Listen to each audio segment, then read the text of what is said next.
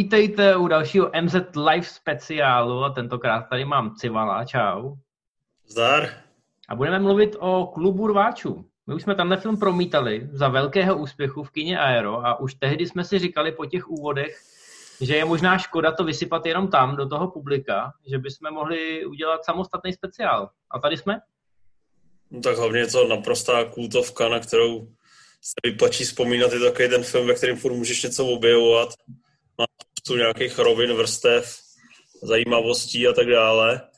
A zajímavý vlastně i to, že jsme v podstatě třikrát vyprodali s ním, naplnili, úplně naplnili kino Aero. Přitom ten film se docela nedávno promítal v rámci projektu 100. Všichni ho mají na DVDčkách nebo na VOD nebo nějakých pirátských kopiích ale ten film zjevně furt má svoje kouzlo a furt má čím rezonovat v těch lidech, což je super. Eh, přesně tak. Navíc eh, letos je svým způsobem český výročí, protože ten film měl premiéru v únoru 2000 eh, a zároveň vyšla ten rok až ta knížka, která předtím nebyla v tom českém překladu, nebo asi nebyla tak populární. A já si do dneška pamatuju, jak jsem vyšel z toho kina, tenkrát jsem byl ještě v Ústí nad Labem v domě kultury chemiků a byl jsem z toho tak jako naspírovaný, jo. I když to nebylo úplně, nebyl jsem, nebyl jsem tak jako stotožnělej s tou hlavní postavou, ale měl jsem trošku jako pocit toho, jako že musím něco proti tomu establishmentu udělat, aspoň třeba někde povalit popelnici nebo tak něco. No to chápu, to jako to v člověku určitě zvládlo zanechat. Já jsem to viděl v sále, který se jmenoval Bílý dům, což je taky koncertní sál v Brdě. Eh, nebo dějí se tam eh, různé kulturní akce, jako nás tam tehdy Fabio Fest. A byla to taková ta projekce, která začíná 23.30 nebo 23.59. A takže jsem tam seděl asi do dvou do rána. Šel jsem tam sám. Kino samozřejmě bylo docela normální. A pamatuju si, jak jsem pak šel pěšky domů, což bylo asi 2-3 kiláky. A kroutil jsem hlavou a říkal jsem si, ty vole, ten Fincher mě teda vojebal, když to tam celou dobu bylo úplně očividný a je, já jsem to vůbec netušil, já jsem fakt čuměl jak, jak péro, ty vole. Vůbec jsem, vůbec jsem jako se nechytal a, a byl jsem totálně překvapený. Ještě něco jak, něco jak uprestíš, když ti to vlastně celou dobu naznačuje, říká ti to, jak to bude a ty stejně čumíš prostě úplně vyvalený. No a navíc, když se na to podíváš po druhý, nebo když si poslechneš audio komentář Finchera na DVDčku, DVDčko mimochodem výborný k tomuhle filmu, je tam i spousta alternativních uh, verzí, různých scén, k tomu se za chvilku dostaneme v tom popisu, ale Fincher tam vlastně vysvětluje na některých těch scénách, proč, proč bys to vlastně mohl rozkódovat, jo? On s tebou udělá trošku blbce, protože tam všude jsou drobky v těch jednotlivých scénách. Samozřejmě ten twist eh, tam je. Já nevím, jestli ho po 20 letech budeme jakoby teď veřejně při tom vzpomínání řešit nebo jestli se omezíme, budeme kolem toho Uvidíme, tancovat. jestli to samo nevyplyne, ale myslím, že nemusíme. Kdybychom to náhodou prokecli, tak sorry, ale budeme se snažit kolem toho ještě chviličku tancovat. No, já jsem to taky viděl, ta moje projekce taky byla docela pozdě. Já si pamatuju, že studio z toho tenkrát mělo docela strach a mám pocit, že i ty distributoři to nasazovali na docela jako, tenkrát samozřejmě to bylo trošku jiný, multiplexy teprve eh, začínaly, ale tenkrát ty kina to nasazovali docela pozdě, protože měli asi pocit, že ta generace mladých naštvaných mužů eh, by, by se mohla bouřit, takže jste na to opravdu museli jít od 15 a hodně se to hlídalo. A ten film je dost drsný svým způsobem. No já si rozhodně pamatuju, že to v nás teda těžce zarezonovalo, co jsme to pak viděli, že začali jsme se hnedka na Gimplu potom řezat ve skřínkách. Zjistili jsme, jak je to, jak je to super, že když tě někdo vezme a práskne s tebou o tu dřevěnou skřínku, tak se ti jako vyplaví endorfinu výrazně víc, než když třeba dostaneš jedničku z matematiky. Konečně něco cítíš, ano. Konečně no. cítíš a tehdy jsme ještě nebyli uh, ve věku, že bychom všichni mohli vykazovat uh, pravidelný přísun přítelkyně a tak. Takže zájemně se lehce zmátit bylo určitě takový eh, přístupnější a efektivnější. No k tomu marketingu se taky dostaneme. Oni samozřejmě všichni hrozně z plných plic říkali, že je to jenom film a první plavidlo klubu rváčů je samozřejmě nemluvit o klubu rváčů, aby se to náhodou nerozlezlo po Americe a nezačaly se opravdový kluby rváčů eh, zakládat, což se samozřejmě stalo. jak ty říkáš, vy jste to řešili ve škole nějakým vyplavováním endorfinu, to asi dělala spousta lidí, ale některý lidi to dotáhli opravdu oficiálně, neoficiálně, že opravdu začali zakládat nějaký ilegální kluby. A no mělo to zkrátka vliv eh, v mnoha ohledech. Mimochodem, Chuck Paulanik, našel jsem si, jak se to vyslovuje mimochodem. Ježiš, eh. to chceš, abych říkal Paulanik? No ale můžeš vypoužít klidně svoji verzi. Internet Já budu říkat Palaniuk. Já budu říkat okay, Palaniuk. Okay. No, no sám řekl, že, že ten film podstatě je ještě vylepšení té knížky, jo? což většinou autoři neříkají, pokud nedostanou královsky zaplaceno. A to teda nebyl jeho případ, když se teď vrátíme úplně na začátek. On se snažil tu knížku udat v Hollywoodu, ale bohužel v Hollywoodu tenkrát ty kravaťáci, kteří se starali o nákup těchto licencí, tak se dělili na dvě skupiny. Ta jedna skupina, ta se v té knížce až příliš viděla a trochu se bála toho, že se tyhle věci a tyhle myšlenky dostanou na světlo světa. A pak ta druhá skupina, to samozřejmě byla ta generace nad nima a ta se bála toho, že, že to probudí v té eh, generaci mladých naštvaných mužů nějaké jako špatné emoce a špatné tendence. Takže všichni to smetli ze stolu. Ta knížka, eh, respektive ten scénář, oběhnul eh, Hollywood několikrát kolem dokola a nikdo neměl zájem. A nakonec to koupili Foxové za prach bídných 10 tisíc dolarů, což, což jako už tenkrát byly směšný peníze, že jo? A dneska jsou ještě směšnější. Což je ještě o to zábavnější, že vlastně celý rozpočet toho filmu byl asi 63 milionů dolarů, že jo? Eh, což eh, když uvážíš, eh, jaký poměr z toho je Praha na předlohu, tak je to docela velká komedie. Na druhou stranu 63 milionů dolarů je v podstatě dnešních, dejme tomu 100, a představa, že někdo točí v podstatě nějakou konverzačku s pár nějakýma bitkama za 100 milionů dolarů, to by mu řekli, že je zde šílen, že jo? No, ale důvod, proč eh, se tomu dostalo tak královského rozpočtu je samozřejmě jeden a jmenuje se Brad Pitt. Brad Pitt už byl tenkrát velká hvězda. David Fincher věděl, že pokud chce ten film natočit podle svých představ, tak potřebuje nějaký zajímavý rozpočet. A tak šel za Bradem Pittem, když natáčel, mám pocit, seznamte se Joe Black a šel s ním na pivo a tam mu řekl, co chce točit, jak to chce točit, proč to chce točit a v podstatě si eh, Breda Pitta získal. Brad Pitt si samozřejmě na oplátku řekl u Foxu o 17,5 milionů dolarů, což byla obrovská částka, ale právě díky Pittovi se uvolnili i ty peníze ve zbytku rozpočtu a proto eh, to vypadá, jak to vypadá, protože na to byly peníze, díky Pittovi. Hmm. Ten, ta knížka vlastně byla uvedena na trh v Americe v roce 96 u nás ještě té hry nebyla, ale pamatuju si, což je vlastně docela paradoxní, ale možná je to to, že jsem přesně byl ta cílovka.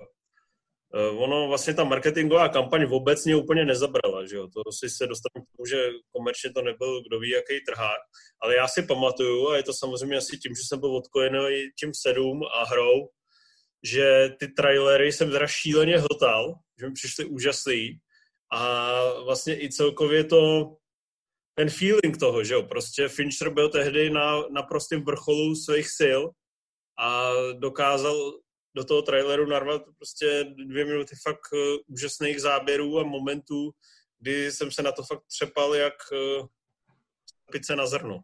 Hmm, no je to a, tak? A navíc... Uh, nevím, jestli jsem tomu, tomu, tomu rozměru takovému tomu společenskému nebo filozofickému úplně rozuměl, to si vlastně nedokážu vybavit. Ale rozhodně vím, že ve mně právě zarezonoval, přestože my jsme tady vlastně neměli tak rozjetý ty IKEA a neseděli jsme tolik v korporátech a open spacech, ale ono to přišlo zaraz uh, s Matrixem, že? takže v podstatě nebylo zase tak složitý tomu úplně porozumět a nacítit se na to, i když to člověk neprožíval, spíš ho to vlastně děsilo, že si říkal, doufám, že takhle nedopadnu.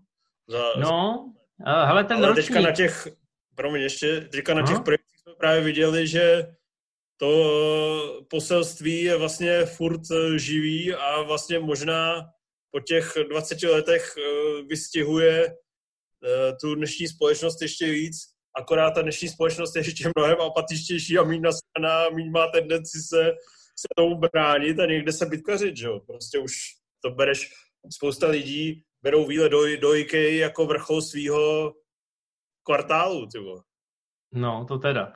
Ale jak jsi zmínil, zmínil si Matrix, eh, on obecně ten rok 99 byl vůbec plný filmů, který nějakým způsobem vyjadřovali tu spouru proti tomu establishmentu, proti té společnosti. Je tam i americká... Star Wars epizoda 1. No ne, ale je tam i americká krása třeba, která jasně je trošku jinde, ale svým způsobem je to ta spoura toho jedince. No, tak je tam bitka se šéfem.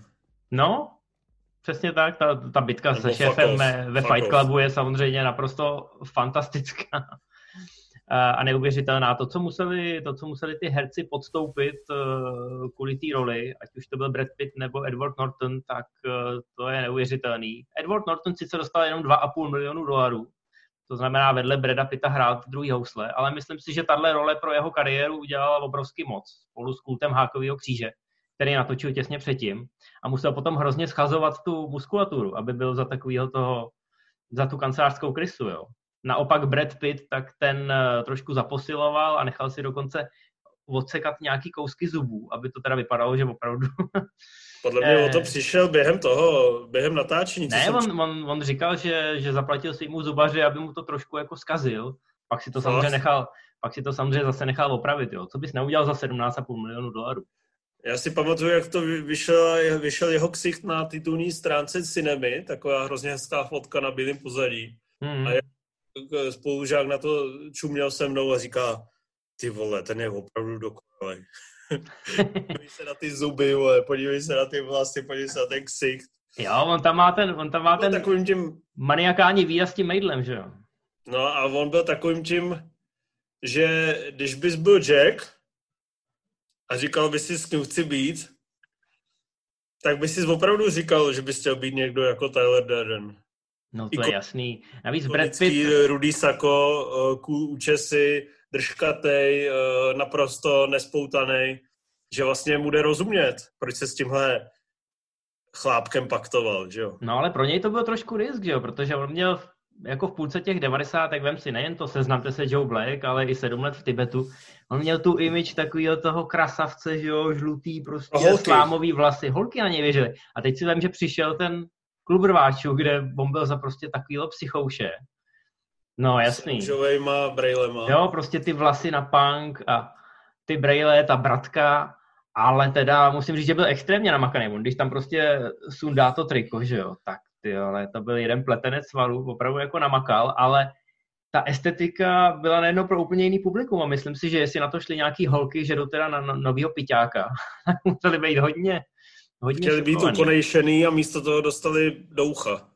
Přesně tak. A přitom to nakonec mohlo to být úplně jiný, protože původně ještě předtím, než se k tomu dostal Fincher, který trošku váhal, protože přece jenom s Foxem a už se předtím spálil u třetího vetřelce, tak předtím se uvažovalo třeba o Danny Boylovi, který o tři roky dřív natočil Trainspotting, což svým způsobem byla taky jako podobná věc, samozřejmě ostrovní, ale když srovnáme ty předlohy a ty hrdiny, tak jo, jede to trošku na jiný vlně, ale má to podobné poselství. Hmm. No, mezi těma potenciálními režisérami byli Peter Jackson, uh, Brian Singer, ještě někdo? No, pak je tam ještě pár jmen, ale tyhle jsem vytáhnul, protože to jsou lidi, kteří se nějakým způsobem později proslavili. Ale u toho... O to, že já si vůbec, já, já tu Palaniukovu, nebo jak ty říkáš, Polaníkovu tvorbu uh, fakt zbožňuju. A myslím si, že je to fakt uh, jeden z tří nejlepších literátů, co jsem kdy čet a který mě fakt oslovili a hrozně se mi líbí ten jeho živelný styl. A v podstatě David Fincher je pro mě úplně dokonalou volbou, jak, jak to zrežírovat. Zvlášť samozřejmě jsem to viděl v klubu rváčů, jak to vměstnat do nějakého filmu.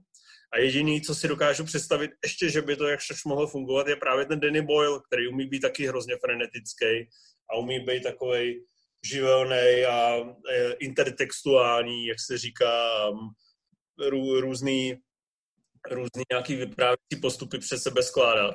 Ale představa, že to má třeba Brian Singer, který, ho, který se, samozřejmě v té době byl rozjetý jak svině, protože měl dvoje X-meny a obvyklý podezřelý, ale stejně si to nedokážu představit. Stejně tak si nedokážu představit Petra Jacksona, že? No, tak X-meni vznikali v podstatě ve stejný rok, jo. Takže on ještě, Singer byl v tu chvíli ten chytrej, co natočil ty obvyklý podezřelý. A na ale... žáka. ale velký hit za sebou ještě neměl. Ono, když se podíváš na ten seznam, tak oni brali hlavně režiséry, který ještě nejsou moc slavný, ale dokázali by tomu dát nějaký ksicht a dokázali by to udělat za levno. Jo. I ten Jackson ještě samozřejmě neměl pána prstenu a měl za sebou, mám pocit, jenom takovou tu duchařinu s Michaelem J. Foxem. Takže nakonec, já, já jsem slyšel historky, že oni nešli do toho bojle, protože se báli, že to bude... s Michaelem J. Foxem? Jo, jo, jo, já teď nevím, jak se to jmenuje. To jsi určitě neviděl, nebeská, nebeská stvoření, ne? S Kate Winslet. Ale to bylo mnohem později, počkej. Duchařinu s Michaelem J. Foxem? Hele, jako nej... 3? nejsem hlad, ale jako klidně ti řeknu, jak se to jmenuje. A, a je to docela dobrý, mám mimochodem. To docela... Meet the Feebles. A ne. Brain Dead. Přízraky se to jmenuje. V originále je to The Frighteners. Frighteners. A je to docela dobrý, člověče, jako taková příjemná komedie. Ale jako rozhodně po tomhle filmu bych mu asi nenabízel uh, klub rváčů. Nicméně oni, slyšel jsem, že oni nechtěli Boyla, protože se báli, že to bude podobně radikální jako, uh, jako ten Trainspotting. Tak nakonec, uh, nakonec, je. nakonec sázeli na Finchera a tento, tento udělal úplně stejně, akorát trošku jinak, takže moc se z toho, moc se z toho opatrní Foxové nevykecali. Každopádně dostal se do toho Pitt, dostal se do toho Norton, oba hrozně zamakali, jako učili se bojové umění, naučili se vařit mejdlo, byli přístupní jako eh, poměrně radikálnímu natáčení, který trvalo 140 dní. A David Fincher teda ty prachy utratil opravdu parádně. Měl spoustu lokací, všechno se natáčelo na lokacích, nebo se nechali postavit kompletně prostě eh, nový placi. A natočil mám pocit asi třikrát víc materiálu, než je obvyklý na film o téhle stopáži. A když to ty Foxové viděli, už jenom ten hrubý materiál, co les z každodenního natáčení, no tak se trošku vyděsili, protože některé ty věci tam byly radikální, byly tam naprosto jako novátorský kameramanský techniky. Uh, Fincher hodně pracoval i s CGIčkem a Foxové si najednou nedokázali představit, jak tenhle ten, uh, tenhle ten člověk to dá dohromady. Jako jo. Vůbec nechápali, Fincher je dneska známý takovým tím puntíčkářstvím, že jo. On prostě potřebuje z těch herců dostat maximum, i kdyby měl natočit 30 takeů jedné krátké věty. No a samozřejmě jako Foxové, který jsou extrémně, zase mají pověst toho studia, který rádo kontroluje a mikromanageuje, tak tam se to začalo jako na sebe mlátit. Já mám výbornou historku, eh, je krásná, krásná hláška měla být v tom filmu, když Helena Bonham Carter a Tyler Durden, Brad Pitt eh, spolu mají spát, tak ona mu měla původně říct, chci mít tvůj potrat. Jo, jako chci se s tebou vyspat, abych pak mohla jít na potrat. No a když to slyšeli v tom studiu, tak se to toho zrozili a řekli, že tohle fakt nemůže v tom filmu být. To a, chápu. A Fincher řekl, To, to okay. ani dneska by nemohlo být, co? No a Fincher řekl, dobře, tak já to přepíšu, ale pod jednou podmínkou, že ta nová verze, kterou napíšu, tak tam určitě bude. A oni si řekli, hele, nic horšího nemůže vymyslet, že jo, tak, eh, tak to tam dáme. No a on to pře- předělal na, takhle jsem si nezašukal od základky. A, to je v pohodě. No je to v pohodě, lidi ve studiu samozřejmě z toho byli úplně hotoví, ale Fincher řekl, a slíbili jste mi, že to tam můžu nechat. Takže takhle oni kolem sebe tancovali v podstatě po celý zbytek té produkce. Brad Pitt se tomu hrozně smál, eh, protože věděl samozřejmě už ze své zkušenosti a kariéry, jak to se studiama funguje. Fincher už měl taky svoje zkušenosti z toho vetřelce. No, nakonec to dopadlo samozřejmě tak, že oni dotočili. Eh, v tom filmu naštěstí víceméně všechno zůstalo. Původně chtěli vytáhnout voiceover, že je to jako archaická, eh, že je to archaická vypravěcká berlička a že to tam teda nebude, ale Fincher to nějakým způsobem ukecal. Jak bylo o pár let později v adaptaci, jak říká Brian Cox, don't you fucking dare to use a voiceover. No, no, no. Ale nějakým zázrakem, na rozdíl od toho vetřelce, tak ten finální střih toho klubu rváčů je víceméně to, co Fincher zamýšlel takže můžeme být rádi, že všechno zůstalo na svém místě. Jo. Tam, je, tam je spousta úžasných věcí. Jo. Je tam soulož, která je v podstatě natočená bullet timem a přitom se to natáčelo ve stejné době jako Matrix. To znamená, že to nebylo nějaký kradení, ale prostě dva štáby měly podobný nápad. A jako všeobecně, ty kamerové fintičky, až to uvidíte, tak eh, zjistíte, že i po 20 letech ten film vypadá neuvěřitelně nabušeně a hlavně moderně. Tam jsou různý jako takový prolínačky a rychlý kamerový oblety, kde Fincher používal CGIčko, když teda to CGIčko bylo ve skutečnosti takový, že on si najal nějakých 20 lidí, kteří nafotili desítky tisíc fotografií a pak to spojili dohromady jako do záběru. Jo. Takže to všechno vypadá jako fotorealisticky.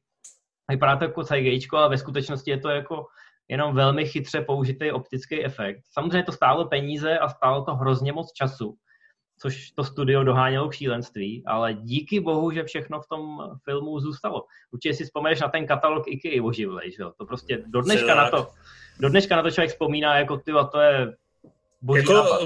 vůbec těch střihových vychytávek a těch pro vlastně propojení jednotlivých záběrů, eh, všechny ty fejkové nějaký švenky a prostřihy a přestřihy a právě ty ballet timey, to, je, to bylo úplně neuvěřitelné. To se opravdu vlastně chrlí hnedka od těch cool úvodních titulků, kdy máš eh, šílenou, šílený průlet z mozku z nějakého centra strachu až na kohoutek pistole, vlastně až na spocenou tvář Edwarda Rorta, tak byl to jako fakt neuvěřitelný audiovizuální zážitek a hlavně si přesně věděl, že vidíš uh, dílo toho nejprogresivnějšího z progresivních, že opravdu vedle Vachovských a Guy Ritchieho, který tehdy vyrukoval pod flakem, to byly prostě takový ty nej, nej, nejnabušenější filmy. Mm.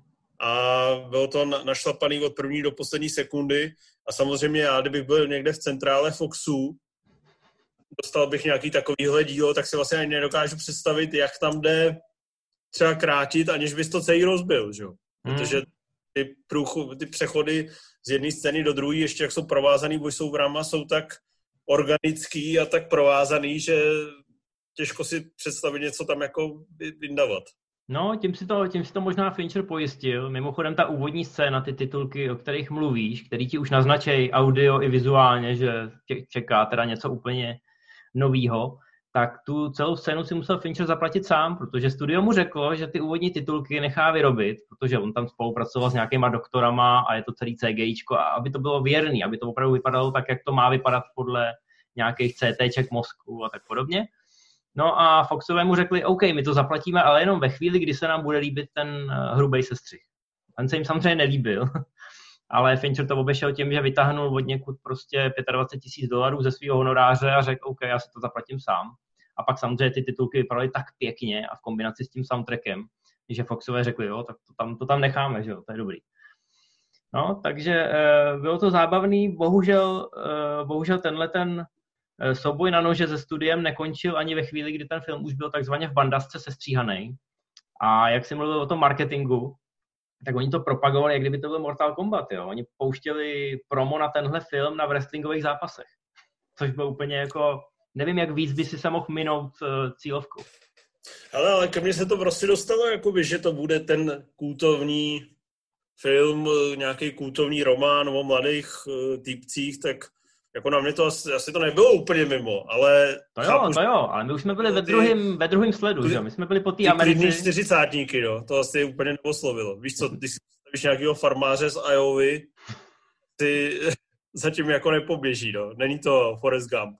No ty čtyřicátníci, co chodí na wrestling, tak myslím si, že pro ty to vůbec není a když tam vidí to Edwarda Nortona jo, to je vlastně přesně opak, že jo. Tý cubicle, jak si stěžuje, že nemůže spát a teď prostě šije do té uh, šije do konzumní společnosti reprezentovaný IQ, kam ty čtyřicátníci chodí trávit víkendy, že jo, tak to je opravdu trošku slabý. Takže v Americe to vybouchlo a do Evropy už ten marketing šel trošku, trošku jiným způsobem formátovaný. Jo? A myslím si, že se nás snažili oslovit podstatně, podstatně líp a protože Brad Pitt byl velká hvězda, eh, tak ta Evropa částečně jakoby ty tržby zachránila.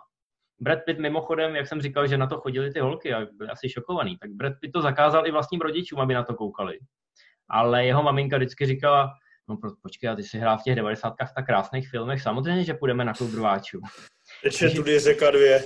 A když je tam ta scéna, kdy, kdy Brad Pitt eh, operuje s tou chemickou sloučeninou a sype jí na tu ruku, tak... Tyhle, tam je eh, nepříjemná i po letech. Tak maminka prej odešla no, z toho kina. Tak jako měla poslechnout senátora. No. Viděla ještě senátora, jak tam volizuje něčí ruku a pak jí devastuje. To je vlastně noční můra každé maminky, která se těší na vnoučata. No, ale myslím si, že Brad Pitt je, musí být hrozně rád, že tenhle film má ve filmografii, protože to je právě ta pestrost, eh, která, která z toho pak vyčnívá. Že jo? Když si dneska vezmeš filmografii Brada Pitta, která je bohatá sama o sobě a budeš vyjmenovávat ty milníky, tak klub rváčů tam musí být. Že jo? No, ono jich je tam hodně, to si zase musíme přiznat. Mm-hmm. Vždycky měl čuch eh, jak herec, tak pak producent na ty výrazné filmy a nebál se ani radikálnějších látek, což určitě mu prospívá. Nicméně eh, ten klub rojáčů je vlastně zajímavý, že ta kniha má asi 200 stránek a ten scénář eh, je vlastně docela věrný, že on má taky asi sám o sobě asi 120, více jak 120 stránek a vlastně vidí, že nejen, že to vystihuje toho ducha předlohy, ale vlastně to brousí všechny ty průpovídky a nějaký společenský reflexe jenom tomu pomáhat tím audiovizuálním jazykem. Já vlastně, když teďka vidím, že vyšel klub rováčů 2, který mimochodem, když byl launchovaný v České republice, tak eh, Chuck Palahniuk přijel do uh, kina Světozor na nějakou uh, předváděčku a pak podepisoval klub rováčů 1, vlastně i dvojku. Já tam teda byl, já jsem byl v jednom sále. No, jsem, vidíš to. Jsem obrovský fanoušek vlastně veškerý jeho tvorby, ale přesto jsem šel radši na pivo, než abych tam stál dvouhodinovou frontu a nechal si něco podepsat. Ale byl to docela sympatiák a mluvil rozumně. Nicméně uh, představa, že se dělá klub hráčů 2 a klub hráčů 3, byti v té samé sestavě, mě jako úplně uh, optimismem nenabíjí. Prostě si myslím, že nevím, jestli by ten Fincher dokázal v sobě najít ještě tady, tuhle šílenou dravost a takovou zarputilost, jestli při tom svým perfekcionismu, který je samozřejmě obdivuhodný, jestli už prostě není trošku takový akademičtější a takový studenější a odměřenější. Nevím, jestli by to v jeho podání mohlo ještě furt takhle fungovat, protože přeci jenom už jako je může přes 50 ale já Finchera, já Finchera pořád, ještě, pořád ještě jako vizionáře, hračičku a piplala neuvěřitelně uznávám. Stejně tak mám rád eh, Dannyho Boyla. Já si teda myslím, že jako další Fight Club filmový už snad vzniknout nemůže. Jak jsme tady řekli, už jenom uh, ty boje ze studiem uh, v případě té jedničky hovoří za vše. A teď mám pocit, že už se asi druhou dekádu připravuje divadelní adaptace. Už někdy v roce 2004 řekli, že už na tom teda pracují konečně. Dokonce u toho byl Palaňák, eh, Palaňuk, Palanik a Fincher, ale do dneška, jo, je to 15 let a 16 a do dneška ta divadelní adaptace není na světě a přitom tě, ta předloha i třeba ta adaptace... byla nějaká. V Česku byla. No já věřím, že jako nějaký neoficiální v úvozovkách partizánský. Ale asi ne na Broadway. Nebo možná variace, že existují, ale, ale opravdová adaptace, asi, asi je těžký to protlačit, asi se bojí, co z toho vznikne. Slyšel jsem, že loni se k tomu dostala Julia Tamer, která dělala Across the Universe, ale samozřejmě za, i za divadelní adaptací Lvýho krále, která se na Broadway hraje už asi taky 20 let. Takže, ale mám pocit, jako, že v její režii nebo v její scénografii z toho vznikne jako něco tak jako divného. Ale myslím si, že ta dvojka asi, asi mimo ten komiks, eh, v této podobě samozřejmě vyšla dvojka i trojka dokonce loni začala vycházet. A myslím si, že toho filmu se nedočkáme. A možná je to dobře, já nevím, jaký ty máš názor na Trainspotting. Druhý. Na dvojku?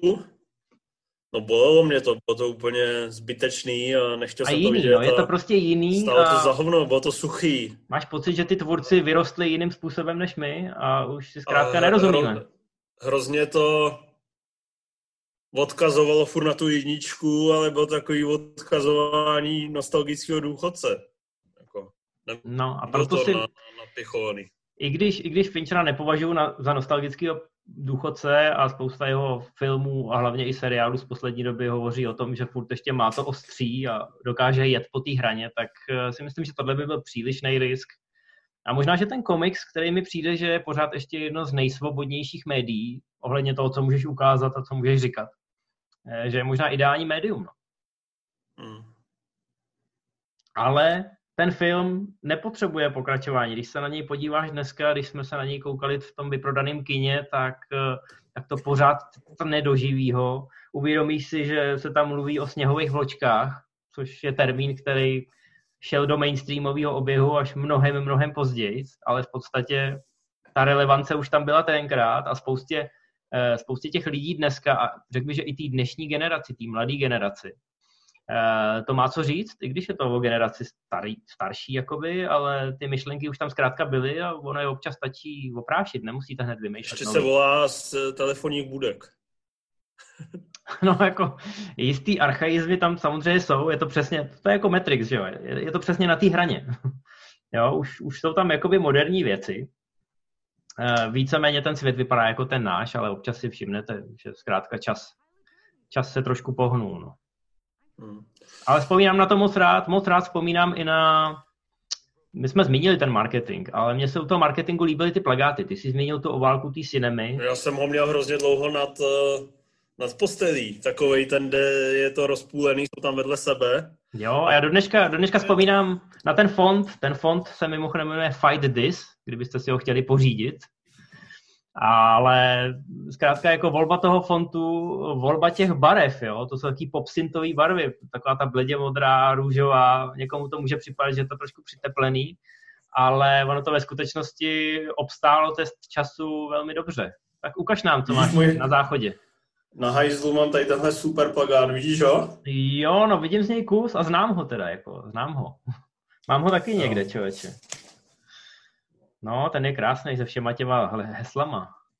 Se všema pravidlama, pravidla klubu rváčů, jak někomu rozbít držku. tak vidíš, teď se to udělal krásně interaktivní. A musíme ještě teda připomenout, že kdo ví, jak by to dopadlo s Avengers Endgame, když by nebylo Míta Loufa a jeho uh, uh, kostýmu, díky kterému přibral asi 45 kg, než by nebyl sám o sobě tlustý. Jsem si ani doteďka nevšiml, když jsem si to přečetl, že přestože tam říkají, že musí všechny, všichni bojovat vlastně ty fighty nahý, mm-hmm. tak on je nahý nebojuje, že jo? No, no jasně, protože by bylo vidět, že... má protézu 45 kg nějakého zrní nebo čeho. No, oni do toho fatsuitu, oni do toho fatsuitu normálně dávají něco jiného, ale tady sem dali zrní, aby to tak jako hezky organicky přetejkalo. A myslím si, že, myslím si, že to bylo asi hodně dobrý, když Edward Norton spočinul v tom obětí, tak to musely být dobrý zážitky. No, je to vlastně v tomhle je to silný, že se Fincher fakt nebál a bylo to takový fyzický, nejen co se týče rozbíjení těch držek, ale přesně přimášnutí na ty obrovské kozy. A pak samozřejmě ta legendární scéna, kdy no dneska se člověku z toho zvedá dekle, jak a... střádají ten tuk a, a rozsekne se ten pytel na ostatním drátě a začne to radit týst a Brad Pitt to tam takhle rukama nějak chytá tak to je fakt, to jsou nechuťárny, který vlastně v mainstreamovém filmu za takové obrovský prachy si dneska vůbec nedokážeš představit, jo. No já bych ještě rád připomněl Jareda Lita, že jo, který tam dostane na ciferník neuvěřitelným způsobem. Že nevím, jak to tenkrát ty maskéři udělali. Ale je teda pravda, že na tom dělá Rob Botin, který dělal i ten Fetsuit a to je člověk, který je zodpovědný třeba za věc. Takže mistr svého řemesla. Takže pak se člověk nediví tomu, že eh, zpěvák 30 Seconds to Mars tam jako dostane tak neuvěřitelně na budku, že No budete sbírat čelist ze země, tu jeho. Mimochodem, ty máš jaký vztah k Heleně Bonham Carter? Hele, takovej, takový ambivalentní, no. Ale musím říct, že v tomhle filmu, v tomhle filmu je v podstatě obsazená hrozně, hrozně hezky. Ona, ona nechávala i svoji maskérku, aby aby jí nanášela ten make-up levou rukou, aby to vypadalo jako, že ona si ho jako postava neumí nanést, jo. Že je psycho trochu. Že je trochu psycho. Ostatně ta Hele, furt jsme neprozradili tu pointu, ale myslím si, že můžeme prozradit ten začátek. Edward Norton zkrátka hraje postavu, která nemůže spát a je prostě totálně hotová z toho, v jaký fázi života se ocitla. Takže to začne... všichni věděj. Takže začne, takže no to, co ty víš, třeba někomu teď otvíráme bránu a řekne tak si, hele, neotvírej. ten film jsem to. neviděl. No zkrátka sejdou se na takovém sezení uh, jako anonymních něčeho, prostě lidi, kteří něčím trpí a navzájem si o tom vyprávějí. A oba si uvědomí, že jsou tam vlastně jako falešné entity, že, že tam jdou jenom proto, aby vysávali ty emoce a, emoce a ten srap z těch ostatních lidí a to jim nakonec udělá dobře. No a tím, že se sejdou oba na jednom místě, tak najednou zjistí, že už to na ně přestává působit, protože vědí o tom druhým, že je tam navíc. No a začnou takovej potenciálně zničující relationship a od toho se potom odvíjí film dál a dál, do čím dál tím surreálnějších uh, rovin. Tak to jsem zase tak moc neprozradil, no, ne? chtěl říct? No, no, proč to chtěl říct? No ne, nech, chtěl jsem říct, že Helena Bonham Carter je někdo, koho bych přesně čekal, že potkám na takovým sezení nějaký.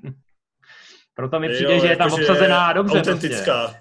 Kdyby tam byla nějaká hezká tvářička vedle těch dvou uh, týpků, tak uh, by mě to asi rušilo, nebo možná by to tomu filmu i ubíral.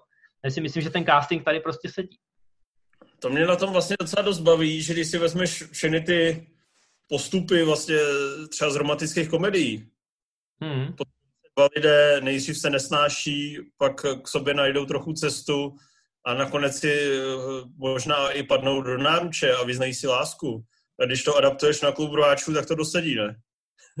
No určitě, závěrečná scéna je v podstatě happy end. finále, máš tam to srdcervoucí finále z Pixies, u kterého teda si musel za, zařvat pár milionů lidí a pár, ne, lidí asi ne, ale... No ale je tam, ta, je tam ta hláška, potkala si mě v, v divném okamžiku mého života, tak to je skoro takový to, že by z toho mohlo být přátelství na celý život.